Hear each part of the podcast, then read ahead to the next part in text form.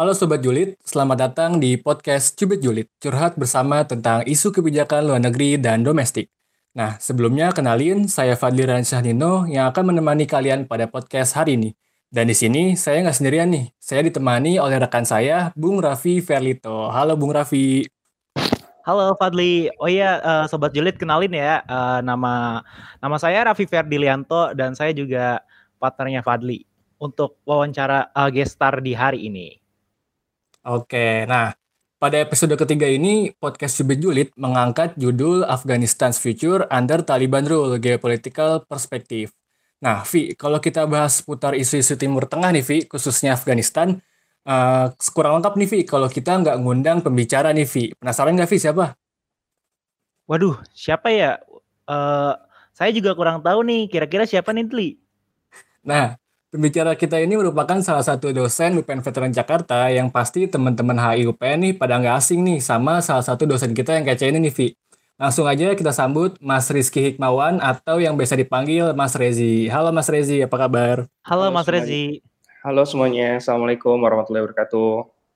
Waalaikumsalam warahmatullahi wabarakatuh. Sehat Mas? Alhamdulillah sehat. Gimana kabarnya? Fadli, Raffi, sehat? Alhamdulillah sehat Mas. Alhamdulillah. Karena di pandemi kayak gini kesehatan yang paling utama ya Mas ya. Harus, jelas Harus. itu. Mas. uh, Mas Rezi kesibukannya sekarang apa aja nih Mas? Kesibukan masih ngajar, Alhamdulillah. Kemudian ada beberapa kerjaan kecil di luar kampus, tapi juga masih berhubungan sama dunia pendidikan insya Allah. Oke, tetap walaupun pandemi gini tetap aktif dan produktif ya Mas ya?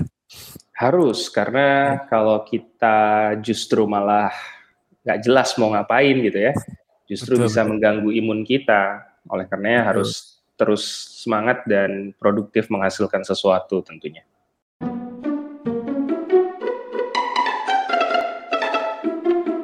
Nah, Mas, ini uh, judulnya kita aja pada podcast Sebetulnya ketiga ini udah uh, berkaitan sama Afghanistan nih, Mas. Udah ngomongin Taliban nih, Mas.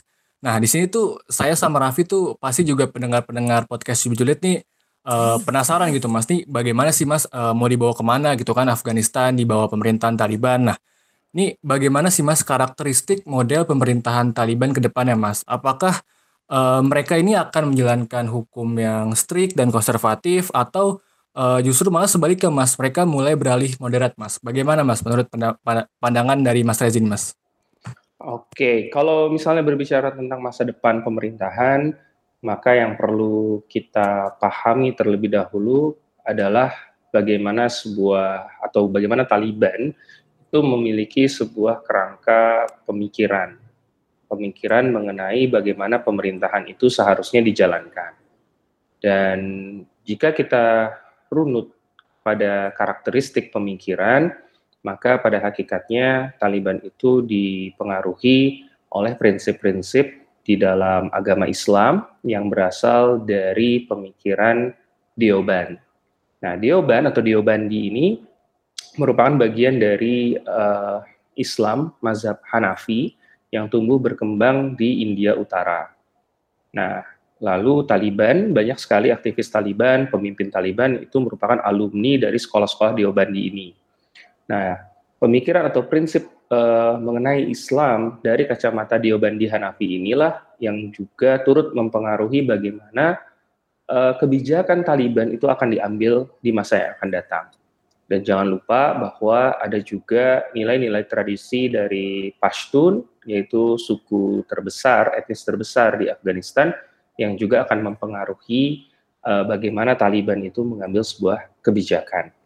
Nah, kembali lagi ke pertanyaannya tentang masa depan uh, Taliban dalam uh, menyusun atau mengelola atau merumuskan kebijakannya, maka kita dapat memastikan bahwa Taliban akan bergantung pada nilai-nilai Islam. Jadi memang basicnya adalah kita tidak akan melihat bahwa tiba-tiba Taliban itu mengedepankan kebijakan-kebijakan yang sekuler misalnya atau yang pro terhadap demokrasi murni tentu tidak karena mereka punya value value tersendiri yang yang mana mereka mau share itu ke penduduk Afghanistan dan juga memperkenalkannya ke seluruh dunia.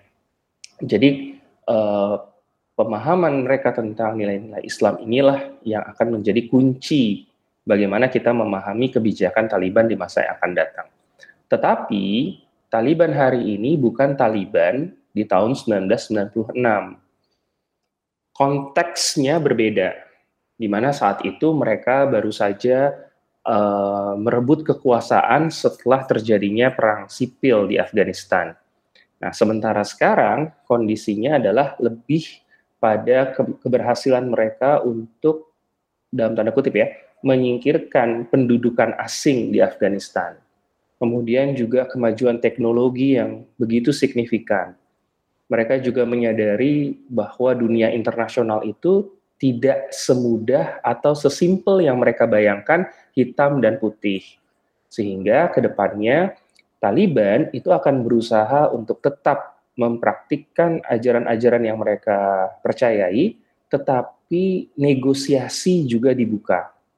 Artinya ruang negosiasi untuk menjelaskan kebijakan-kebijakan yang mereka ambil juga akan dilakukan oleh Taliban di masa yang akan datang seperti itu. Oke, uh, Mas, tadi kan uh, Mas Rezi sempat jelasin ya Mas bahwa uh, Taliban sekarang ini bukan seperti Taliban pada tahun 1996-an gitu kan, tapi dia mungkin sekarang ini ke depannya bakalan lebih uh, mengedepankan uh, nilai-nilai yang lebih moderat lah gitu mas ya. Nah uh, dari penjelasan Mas Rezi, Mas Rezi tadi tuh saya sepintas tuh terfikirkan gitu bagaimana nasib perempuan-perempuan uh, Afghanistan di sana karena uh, apa namanya pada akhir 1990-an itu kan mereka sangat menginterpretasi Islam yang sangat keras itu kan melarang anak perempuan, melarang perempuan untuk uh, apa namanya bersekolah, berpendidikan, uh, kemudian mendapatkan pekerjaan atau kehidupan sosial publik lainnya gitu kan mas. Nah uh, ada nggak sih mas kemungkinan tuh Taliban mempersiapkan aturan yang baru untuk uh, mengizinkan uh, perempuan di sana uh, untuk bersekolah, melanjutkan pendidikan, bekerja dengan uh, hukum Islam kayak gitu. Nah karena jika Taliban sekarang ini kalau kita lihat dia akan lebih moderat, pasti mereka justru memperhatikan hak-hak perempuan di sana juga kayak gitu Mas. Nah, menurut Mas Rezi nih, Taliban sekarang ini akan beralih seperti itu atau uh, justru malah tetap menginterpretasi hukumnya terhadap perempuan menjadi lebih ketat, Mas? Oke, pertanyaan yang istilahnya akan menjadi pertanyaan semua pihak sepertinya dan akan menjadi tuduhan pertama yang akan diarahkan ke Taliban yaitu mengenai masalah uh, hak asasi manusia dan spesifiknya adalah mengenai masalah perempuan. Nah, satu hal yang perlu kita pahami ketika kita ber, ber, berbicara atau berdiskusi mengenai masalah ide tentang status manusia di dalam masyarakat, maka kita harus me, me, mencoba untuk memahami suatu kebijakan itu secara utuh. Kita nggak bisa misalnya menjudge uh, hanya dari faktor misalnya perempuan tidak dibolehkan me, belajar atau menuntut ilmu misalnya lantas kita katakan bahwa itu adalah suatu kebijakan yang salah. Setiap manusia atau setiap uh, suatu ideologi itu memiliki cara pandangnya sendiri terhadap sistem sosial kemasyarakatan. Sehingga baik atau buruknya suatu pemikiran itu tidak bisa dijudgment dari sudut pandang yang lain. Problem terbesar dari kita terutama dari masyarakat global pada umumnya adalah ketika kita selalu mengkaitkan masalah perempuan dari sudut pandang barat misalnya. Kita selalu berbicara tentang hak perempuan, kebebasan perempuan, tapi kita tidak pernah mau untuk memahami terlebih dahulu status perempuan di mata Taliban itu seperti apa sih? Kenapa sih Taliban itu tidak membolehkan perempuan untuk mendapatkan pendidikan? Kenapa sih Taliban uh, harus memaksa perempuan itu menutup seluruh tubuhnya dalam uh, pakaian burqa namanya. Nah, problemnya adalah kita langsung jump in conclusion bahwa itu salah. Karena selama ini narasi pemikiran kita telah dipengaruhi oleh satu narasi tertentu. Gitu. Kita baru bisa mengatakan bahwa Taliban itu salah, Taliban itu misalnya katakanlah uh, uh, ekstrim dan sebagainya ketika kita juga sudah mencoba memahami bagaimana Taliban memandang perempuan. Dan hal itu nggak bisa disimplistikkan misalnya dengan menuduh bahwa oh itu memang ajaran islami seperti itu. Nah, ini adalah menjadi satu hal yang perlu kita luruskan terlebih dahulu. Dan tentunya saya mengajak teman-teman dan juga para pendengar untuk tidak melakukan kesalahan yang sama. Hanya melihat persoalan isu ini atau isu ini ya dari satu sudut pandang saja. Kita perlu me mendalami lagi kenapa Taliban memutuskan kebijakan seperti itu. Dan kita juga tidak bisa menjamin misalnya, let's say, kalau kebebasan, apakah kemudian Taliban ketika dia mengizinkan perempuan untuk sekolah, untuk bekerja, pergi tanpa mahram misalnya lantas mengatakan bahwa Taliban telah berubah menjadi moderat. Kenapa? Karena kata moderat pun ini adalah kata yang ambigu sebenarnya. Tergantung lagi-lagi bagaimana kita mengkonstruksikan pemahaman kita tentang moderat atau isu yang termasuk ke dalam kata moderat itu sendiri. Jadi kalau hemat saya dari pertanyaan yang disampaikan, adalah uh, pertama kita perlu menggali lebih dalam sebenarnya bagaimana uh, posisi perempuan di tengah masyarakat uh, Afghanistan gitu ya, lebih khusus di bawah pemerintahan Taliban. Yang terpenting adalah bagaimana keselamatan, kehormatan perempuan itu dilindungi dan itu adalah prinsip pertama. Prinsip kedua, barulah akses untuk mendapatkan hak individu si perempuan tetapi harus diingat ketika Taliban, kembali tadi ya ke penjelasan pertama, bahwa ketika Taliban hendak menerapkan sistem Islam, hukum Islam, maka koridor-koridor kebebasan perempuan pun dibatasi oleh nilai-nilai Islam itu sendiri. Dan ini sudah dijelaskan oleh juru bicara uh, Afghanistan pada saat atau tidak lama ketika mereka berhasil menguasai Kabul. Salah satu uh, salah satu wartawan bertanya tentang masa depan perempuan.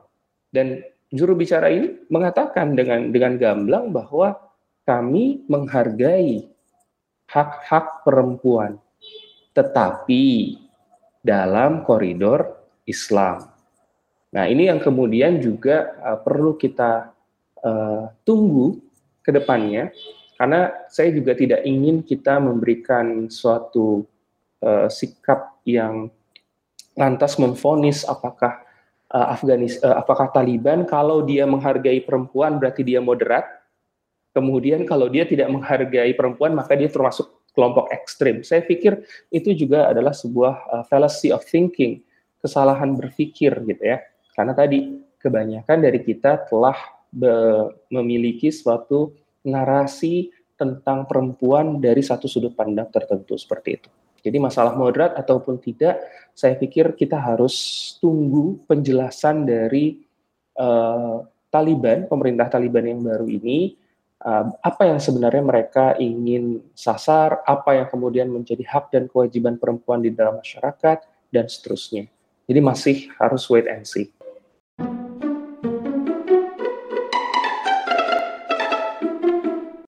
Oke, Mas uh, Rezi, uh, komprehensif sekali jawabannya, uh, sangat apa namanya uh, menjelaskan sekali mengenai karakteristik dari domestik si Afghanistan itu sendiri. Nah, uh, di sini uh, saya nih mulai penasaran nih, Mas, mengenai politik luar negeri dari uh, negara Afghanistan yang baru ini yang didirikan sama si Taliban ini, yang di mana namanya adalah Islamic Emirate of Afghanistan. Nah, uh, pertanyaannya, de, kalau yang saya bingungin gini, Mas, uh, bagaimana sih arah politik luar negerinya Islamic Emirate of Afghanistan nih ke depannya? Oke, kalau kita berbicara mengenai masalah kebijakan luar negeri dari Afghanistan, uh, kalau kita tadi ya uh, sudah memiliki cara pandang bahwa Taliban ini berbeda dari tahun 1996, maka kita juga bisa memahami bahwa Taliban hari ini tidak bersifat inward looking dari awal sejatinya Taliban itu tidak bersifat inward looking, artinya tidak hanya melihat pada urusan-urusan domestiknya saja. Kalau di tahun 1996 sampai tahun 2001, Afghanistan itu lebih cenderung bersifat inward looking. Mereka lebih fokus pada aspek-aspek domestik dan membatasi hubungan luar negeri. Artinya hubungan luar negeri yang mereka jalani itu sangatlah terbatas. Nah, saat ini uh, boleh dikatakan Taliban justru sangat terbuka terhadap semua peluang kerjasama. Bahkan ini juga sudah dinyatakan oleh uh, juru bicara Taliban.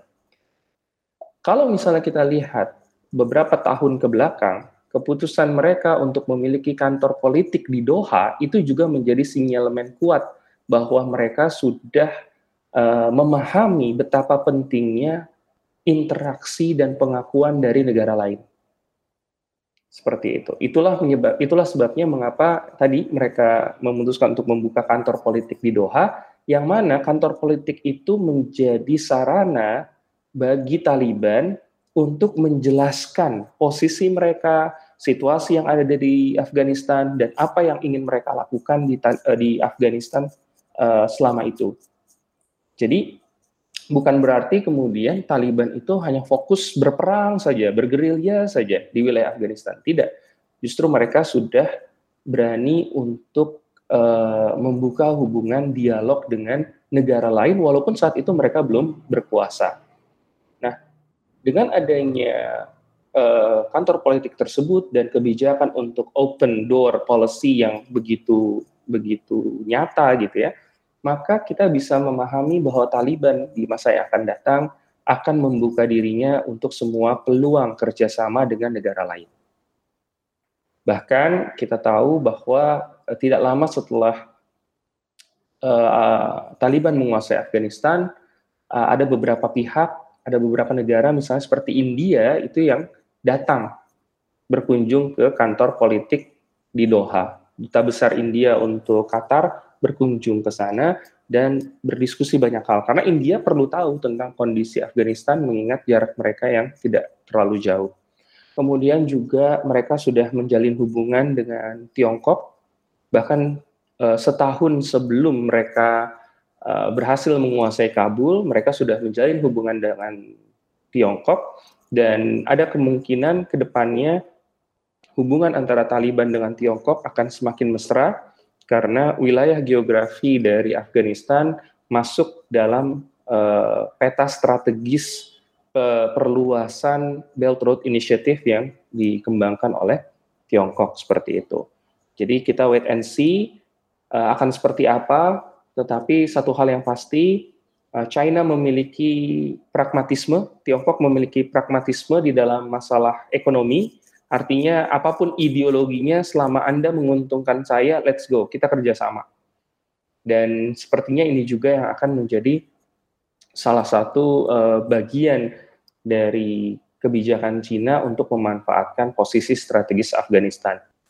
Oke baik, uh, Mas tadi uh, Mas Rezi kan udah jelasin ya Mas uh, arah politik luar negeri Afghanistan ke depannya dan yang saya tangkap ini bahwasanya uh, sekarang ini atau saat ini Taliban dikatakan uh, lebih terbuka untuk semua peluang peluang kerjasama dan ini juga sudah dikatakan oleh uh, juru bicara Taliban seperti itu dan uh, yang artinya uh, ini membuktikan juga bahwa kebijakan luar negeri Taliban akan lebih uh, terbuka untuk kerjasama baik secara uh, regional maupun internasional gitu mas. Nah kira-kira uh, dalam waktu dekat ini nih mas dunia internasional mau menjalin kerjasama nggak sih mas dengan uh, pemerintah pemerintah Taliban karena uh, dengan uh, adanya juru bicara Taliban yang sudah mengatakan uh, mereka akan siap untuk lakukan kerjasama secara internasional gitu. Apakah uh, dunia internasional gitu kan, gak usah dunia internasional deh, uh, regional dulu gitu. Secara kawasan, apakah negara-negara uh, di kawasan Timur Tengah ini akan akan uh, membuka diri mereka untuk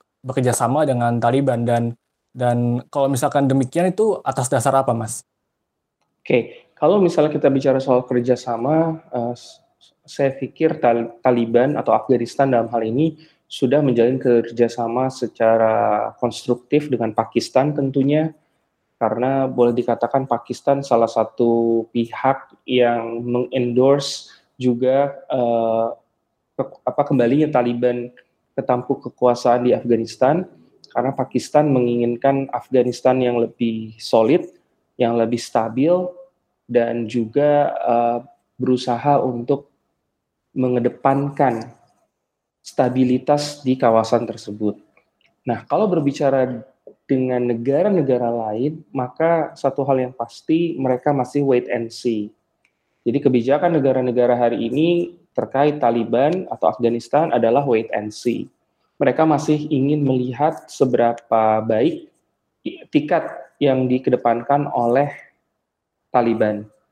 Jadi seperti yang kita ketahui bahwa Taliban baru saja membentuk pemerintahan baru dan di bawah Mullah Muhammad uh, Hasan Arkhun sebagai perdana menteri dan kita bisa melihat ke depan kurang lebih mungkin satu bulan sampai akhir tahun ini apa saja kebijakan yang akan dilakukan oleh pemerintah ini. Kalau misalnya pemerintahan ini justru memberikan nilai-nilai positif terhadap permasalahan permasalahan-permasalahan domestik, apa pun isunya, mulai dari masalah uh, identitas, kemudian perempuan, uh, upaya untuk meningkatkan kesejahteraan masyarakatnya, saya pikir banyak pihak yang akan mau untuk mengakui Taliban uh, sebagai pemimpin Afghanistan. Tetapi sebaliknya, kalau misalnya sampai akhir tahun ini ternyata kondisi di Afghanistan tidak jauh lebih baik, justru sikap represif malah ditunjukkan oleh uh, Taliban kepada masyarakatnya, justru ini akan menjadi sesuatu hal yang kontraproduktif bagi Taliban itu sendiri. Tapi hemat saya, Taliban memahami persoalan ini. Jadi seharusnya Taliban tidak akan menyia-nyiakan momentum ini untuk untuk menunjukkan kepada masyarakat internasional bahwa mereka mampu menjadi pemimpin yang uh, adil, yang mampu memberikan kesejahteraan bagi masyarakatnya. Hanya saja kita sebagai masyarakat global juga perlu memberikan kesempatan dan waktu untuk Taliban uh, melaksanakan kebijakan-kebijakannya. Karena tidak ada kebijakan yang bisa dilakukan sekejap mata. Minimal tantangan mereka sekarang adalah bagaimana melakukan rekonsiliasi nasional, terutama uh, kepada kelompok Northern Alliance, yaitu aliansi yang berasal dari wilayah utara Afghanistan yang berbatasan dengan eh, negara-negara uh, seperti uh, Turkmenistan, Tajikistan, dan Uzbekistan. Kalau misalnya rekonsiliasi ini sudah mampu dibangun oleh Taliban, maka ke depannya akan lebih baik. Kenapa? Karena pemerintahan yang ada hari ini atau yang berkuasa hari ini akan senantiasa disupport. Nah, tetapi kalau misalnya pemerintahan uh, Taliban lebih banyak harus mengurusi persoalan-persoalan pemberontakan di beberapa wilayah, tentu ini juga akan menjadi hal yang kontraproduktif bagi perkembangan masa depan Taliban ataupun Afghanistan itu sendiri. Seperti itu. Jadi saya pikir negara-negara di dunia akan uh, cenderung untuk menunggu melihat kondisi yang ada setidaknya sampai akhir tahun ini. Walaupun beberapa pihak telah menyatakan kesiapannya untuk bekerja sama dengan Taliban. Se tapi belum secara formal ya masih uh, secara uh, verbal saja seperti itu. Uh, kalau misalkan ini mas Cina gitu kan, Cina kan uh, dia kita tahu udah punya kepentingan nasional yang sebelum Taliban memegang pemerintahan Afghanistan nih mas. Kayak contohnya uh, mengamankan proyeknya itu yang namanya Belt and Road Initiative atau BRI gitu mas. Itu bagaimana mas? Karena kan uh, itu melalui daratan Pakistan juga bahkan hingga Af Afghanistan gitu kan dan uh, kemungkinan mungkin bahkan uh, Cina akan membuat potensi membuat aliansi kayak Cina, Pakistan, Afghanistan ya gitu Mas dan uh, kalau misalkan mungkin Amerika atau negara-negara kawasan Eropa itu melihat hal tersebut itu bagaimana ya Mas? Uh, justru saya pikir ini akan menjadi uh, penentu ya bagi bagi China karena ketika mereka mampu bekerja sama dengan baik dengan Afghanistan, dengan pemerintahan Afghanistan di bawah Taliban, setidaknya mereka mendapatkan beberapa hal. Yang pertama adalah mereka mendapatkan akses daratan untuk menuju Timur Tengah. Karena kita tahu bahwa kalau kita melihat peta gitu ya, uh, sekarang China sedang membangun yang namanya CPEC, China Pakistan Economic Corridor, Nah, dari Cina Pakistan Economic Corridor ini akan berakhir di lautan, di Samudra Hindia. Nah, yang perlu kita pahami adalah Pakistan atau sorry, China itu membutuhkan Afghanistan agar jalur yang sudah atau jalur penghubung antara China dengan Timur Tengah itu tidak harus melalui lautan. Nah, dengan demikian, maka ini akan menjadi sebuah hal yang sangat-sangat menguntungkan bagi China atau Tiongkok. Karena dengan adanya dengan adanya uh, Afghanistan, maka jalur jalur ekonomi ataupun yang kita sebut sebagai jalur sutra ini bisa dibelokkan dari Islamabad menuju Kabul, Kabul Kandahar, lalu Kandahar bisa menuju ke Iran. Apalagi China sudah membangun kesepakatan atau sudah telah menandatangani kesepakatan kerjasama dengan Iran selama 25 tahun ke depan. Jadi Afghanistan ini boleh dikatakan sebagai missing puzzle bagi kebijakan China untuk masuk ke dalam kawasan Timur Tengah. Nah ini yang harus benar-benar bisa kita pahami terlebih dahulu. Ini poin yang pertama. Kemudian yang kedua, di dalam konteks domestik China, kalau misalnya mereka bisa membuat Afghanistan itu bekerja sama, maka salah satu deal yang akan terjadi adalah eh, bagaimana orang-orang Taliban atau kelompok Taliban ini tidak lagi akan mendukung orang-orang di wilayah Uighur yang selama ini menjadi persoalan tersendiri bagi China. Nah, dengan uh, Taliban uh, menjalin kerjasama, diharapkan Taliban tentu akan menghormati kedaulatan dari China itu sendiri. Jadi uh, sudah dua hal ya yang benar-benar bisa menguntungkan China. Kemudian yang ketiga, ketika China bekerja sama dengan Afghanistan di bawah Taliban, maka ini akan menguatkan status China untuk menghadapi siapa pun yang berusaha untuk menghalangi proyek besarnya, yaitu Belt Road Initiative. Kalaupun misalnya The Quad ataupun uh, institusi regional lain yang ingin diciptakan oleh Amerika Serikat, maka niscaya secara de facto dan de jure negara-negara layaknya Amerika Serikat ataupun Uni Eropa, dia tidak memiliki sebuah platform kerjasama jangka panjang yang bersifat strategis. Sehingga ketergantungan itu nanti akan lebih mengarah pada China, bukan kepada negara-negara layaknya Amerika Serikat atau negara-negara Eropa. Dan ini bisa menjadi leverage bagi kepentingan nasional ataupun kebijakan luar negeri China ketika dia dihadapkan pada head to head dengan Amerika Serikat ataupun Uni Eropa. Dan inilah yang menjadi nilai plus mengapa China ingin bekerja sama dengan Afghanistan. Dan ketika Afghanistan ini uh, dikuasai oleh Taliban, tentu yang diharapkan oleh China adalah satu, tidak lagi ada Amerika Serikat di sana. Kemudian yang kedua, stabilitas. Karena tidak mungkin menciptakan sebuah proyek atau membangun sebuah proyek besar tanpa ada stabilitas keamanan. Kalau misalnya tidak percaya, maka lihatlah Amerika Serikat yang uh, boleh dikatakan salah atau keliru dalam berhitung Eh, mengenai pembangunan infrastruktur di Afghanistan selama 20 tahun. Karena untuk membangun ring road saja yang menghubungkan empat kota besar di di Afghanistan, mereka kewalahan sampai mereka harus mengeluarkan jasa keamanan swasta dan jasa keamanan ini lebih mahal dari proyek itu sendiri. Dan inilah yang diharapkan oleh China dengan Taliban berkuasa maka mereka mampu mewujudkan stabilitas untuk menjamin proses pembangunan yang ada di sana seperti itu.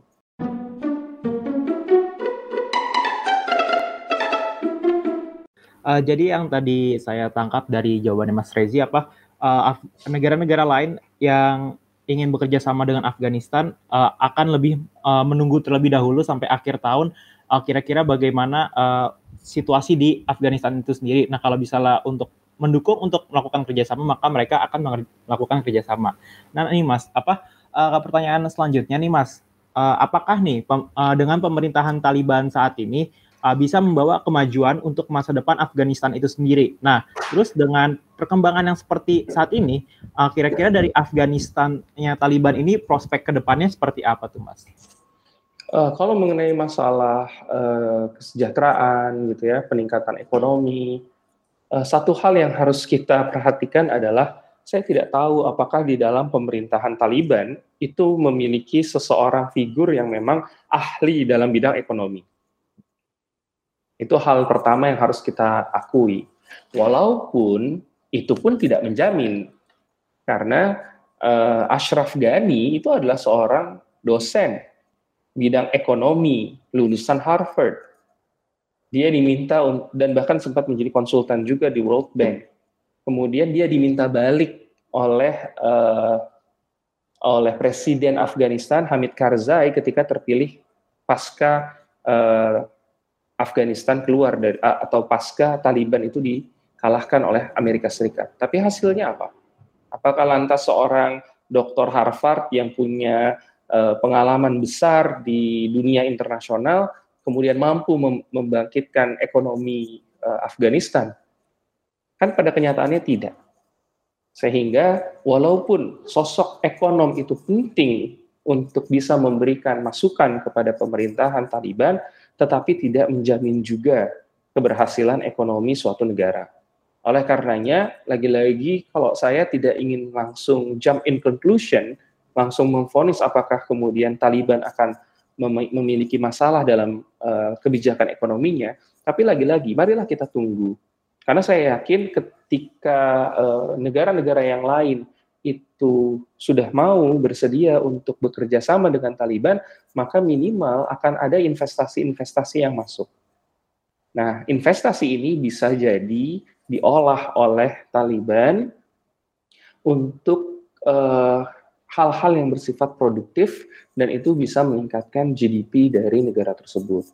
Yang penting kuncinya adalah jangan sampai uh, dana-dana tersebut itu kemudian dikorupsi oleh pemerintah sendiri. Dan inilah yang menjadi penyakit di pemerintahan sebelumnya selama 20 tahun uh, pemerintahan demokratis justru malah uh, terlibat dalam persoalan korupsi yang begitu besar Nah, sekarang ini juga akan menjadi tantangan buat Taliban, apakah dengan nilai-nilai Islam yang mereka kedepankan, mereka mampu untuk tidak tergiur dengan kekuasaan maupun uh, harta atau investasi yang diberikan oleh pihak asing. Jadi kembali lagi ke pertanyaan masalah ekonomi, maka marilah kita lihat bersama-sama ke depannya akan seperti apa setidaknya lagi-lagi kalau batokan saya adalah sampai akhir tahun karena uh, setidaknya sampai akhir tahun sudah cukup ya tiga bulan bagi Afghanistan di bawah Taliban untuk merancang uh, rencana jangka pendek ataupun rencana jangka panjang mereka baik dalam bidang ekonomi maupun bidang yang lain seperti itu. Dan kalau yang terakhir tadi kalau nggak salah apa pertanyaannya prospek ya? Iya mas, prospeknya ke depan Afghanis eh, apa Afghanistannya Taliban ini? Kalau saya uh, cenderung berpendapat bahwa Afghanistan akan relatif lebih stabil secara domestik gitu ya. Walaupun ada beberapa kelompok yang menolak kepemimpinan dari Taliban, tapi saya pikir itu minor sehingga ini bisa menjadi salah satu tantangan awal dari Taliban uh, di, di aspek domestiknya adalah mewujudkan rekonsiliasi nasional. Bagaimana mencoba untuk melobi kelompok-kelompok tersebut untuk mau menerima Taliban. Jika tidak mau, maka kemungkinan besar adalah perang. Seperti itu. Atau uh, ya boleh dikatakan upaya untuk menaklukkan atau membasmi pemberontakan itu sendiri. Yang saya pikir juga akan kontraproduktif juga. Karena justru akan membuang-buang energi dari uh, entah dari Taliban atau dari kelompok yang berusaha untuk menentang Taliban. Itu yang pertama. Jadi bagaimana caranya mereka membangun sebuah rekonsiliasi terlebih dahulu, mengingat Afghanistan ini merupakan negara yang memiliki keanekaragaman etnis yang cukup besar, walaupun mungkin tidak sebesar apa, tidak sebesar Indonesia gitu ya. Tapi jangan salah di di Afghanistan satu etnis itu memiliki sub-sub etnis. Misalnya kayak Pashtun, Pashtun itu memiliki sub-sub etnis. Nah, sub-sub etnis ini juga memiliki uh, semangat kesukuan yang tinggi. Sehingga potensi konflik di antara orang-orang Pashtun pun juga sebenarnya relatif tinggi seperti itu. Nah, inilah uh, alasannya mengapa bagi saya pribadi rekonsiliasi itu penting dan Taliban harus berusaha untuk membuka tangan. Jangan sampai Taliban hanya fokus pada aspek kekuasaannya saja, tapi tidak berusaha untuk merangkul semua pihak yang ada di Afghanistan. Nah, di dalam konteks luar negeri, maka prospeknya saya pikir uh, jika Taliban mampu meyakinkan masyarakat global, uh, akan ada beberapa negara yang bersedia untuk menjalin kerjasama dengan mereka, minimal negara-negara yang berbatasan dengan mereka karena Afghanistan merupakan uh, sebuah daerah penghubung yang strategis di tiga wilayah Asia Tengah, Timur Tengah, dan Asia Selatan. Jadi ke depannya uh, prospek Taliban di bawah atau prospek Taliban dalam memimpin Afghanistan akan sangat uh, cerah, tetapi dengan catatan ya bahwa mereka juga mampu membuat kebijakan-kebijakan yang tepat. Karena ada juga uh, mungkin kebijakan-kebijakan yang sebenarnya nggak perlu dikeluarkan, tapi mereka keluarkan dalam waktu dekat. Misalnya baru sebulan berpuasa atau dua bulan berpuasa, kemudian mereka langsung mengeluarkan kebijakan yang kontroversial. Bukan kontroversial dari sisi mereka, tapi kontroversial dari sisi penerimaan masyarakat global. Contoh misalnya muncul dekret presi, uh, keputusan dari pemerintah misalnya bahwa semua perempuan tidak boleh keluar rumah. Semua wajib di dalam rumah. Bagi saya itu sebenarnya sah-sah saja. Tapi problemnya adalah momentumnya. Janganlah dikeluarkan ketika trust kepada Taliban ini masih rendah.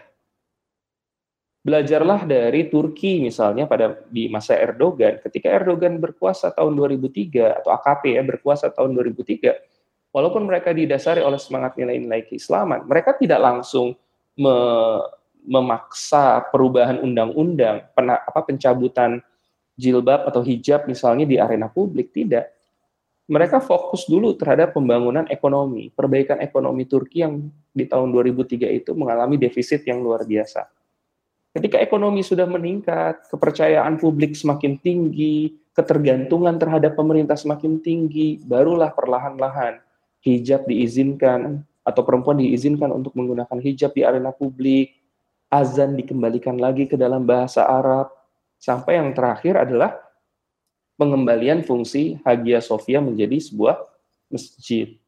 Nah inilah yang saya pikir harus uh, dilakukan oleh Taliban, yaitu bersabar di dalam mengeluarkan kebijakan.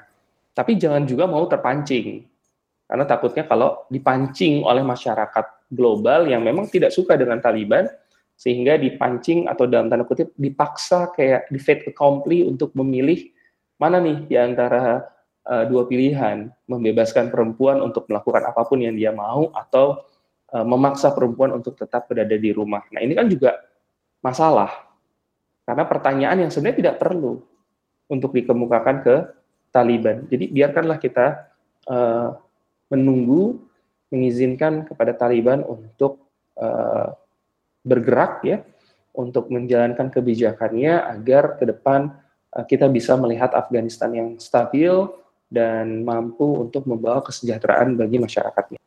Oke, Mas. Jadi bisa tadi uh, aku simpul simpulkan ya kalau misalnya apa uh, prospek dari Taliban itu sebenarnya sangat cerah asalkan apa namanya itu uh, mereka tuh membuat kebijakan yang tepat. Oke nih Mas, mungkin ini pertanyaan terakhir dari saya ya. Saya memang penasaran dengan uh, pertanyaan ini. Menurut Mas nih, menurut Mas pribadi, uh, kira-kira uh, dengan berdirinya Islamic Emirate of Afghanistan ini tuh uh, aspek-aspek lain nih da dari sebuah negara tuh seperti informatika, lingkungan hidup, energi dan olahraga itu uh, bakalan lebih maju nggak sih di Islam di negara Taliban Afghanistan ini? Atau mungkin uh, dengan adanya Taliban Afghanistan ini uh, mereka jadi lebih peduli lingkungan gitu. Jadi apa namanya itu ling, uh, lingkungan-lingkungan yang di daerah mereka dijaga atau mungkin nih dari sektor olahraga uh, timnas bolanya Afghanistan ini uh, jadi lebih berjaya gitu, lebih jago, bisa jadi bisa juara Piala Asia. Nah, kira-kira kalau menurut Mas itu sendiri bagaimana? Kalau dari sektor-sektor tersebut? Ya, saya pikir uh, kalau misalnya berbicara tentang kemajuan ya di berbagai macam sektor, khususnya sektor-sektor yang bersifat low politics, mungkin tidak akan menjadi sebuah prioritas dalam waktu dekat. Artinya tidak akan menjadi prioritas yang terlalu diurus oleh pemerintahan Taliban saat ini. Tapi bukan tidak mungkin ke depannya ketika prioritas atau ketika masalah-masalah prioritas itu sudah bisa diselesaikan, lalu masalah-masalah uh, seperti yang low politics tadi seperti masalah lingkungan, olahraga, uh, perumahan dan sebagainya itu bisa diwujudkan secara bertahap. Saya pikir uh, demikian karena kalau misalnya karena saya yakin energi Taliban terbatas. Energi Taliban terbatas, sumber daya keuangan mereka terbatas, jadi mau nggak mau mereka pasti akan memilih untuk fokus pada aspek-aspek prioritas seperti itu. Tapi ke depannya seperti apa, wallahu a'lam. Lagi-lagi kita masih harus menunggu seperti itu. Oke, uh, baik. Nih sampai bahas timnas Taliban ya. Oke, uh, mungkin di sini saya uh, ingin menyimpulkan ya Mas uh, bahwa uh, Afghanistan di bawah pemerintahan Taliban ini akan memiliki potensi untuk beralih uh, lebih moderat. Moderat dalam uh, artian versi Taliban itu sendiri karena seperti tadi dijelaskan oleh uh, Mas Rezi bahwa uh, moderat versi Taliban ini bisa tidak sama dengan budaya Barat dan lain sebagainya gitu. Mengingat uh, pemerintahan Afghanistan ini uh, apa ya dipegang oleh Taliban tetap memegang hukum-hukum Islam seperti itu dan yang lebih luasnya lagi mereka akan lebih uh, terbuka untuk dunia internasional untuk bisa bekerja sama dengan Afghanistan seperti itu.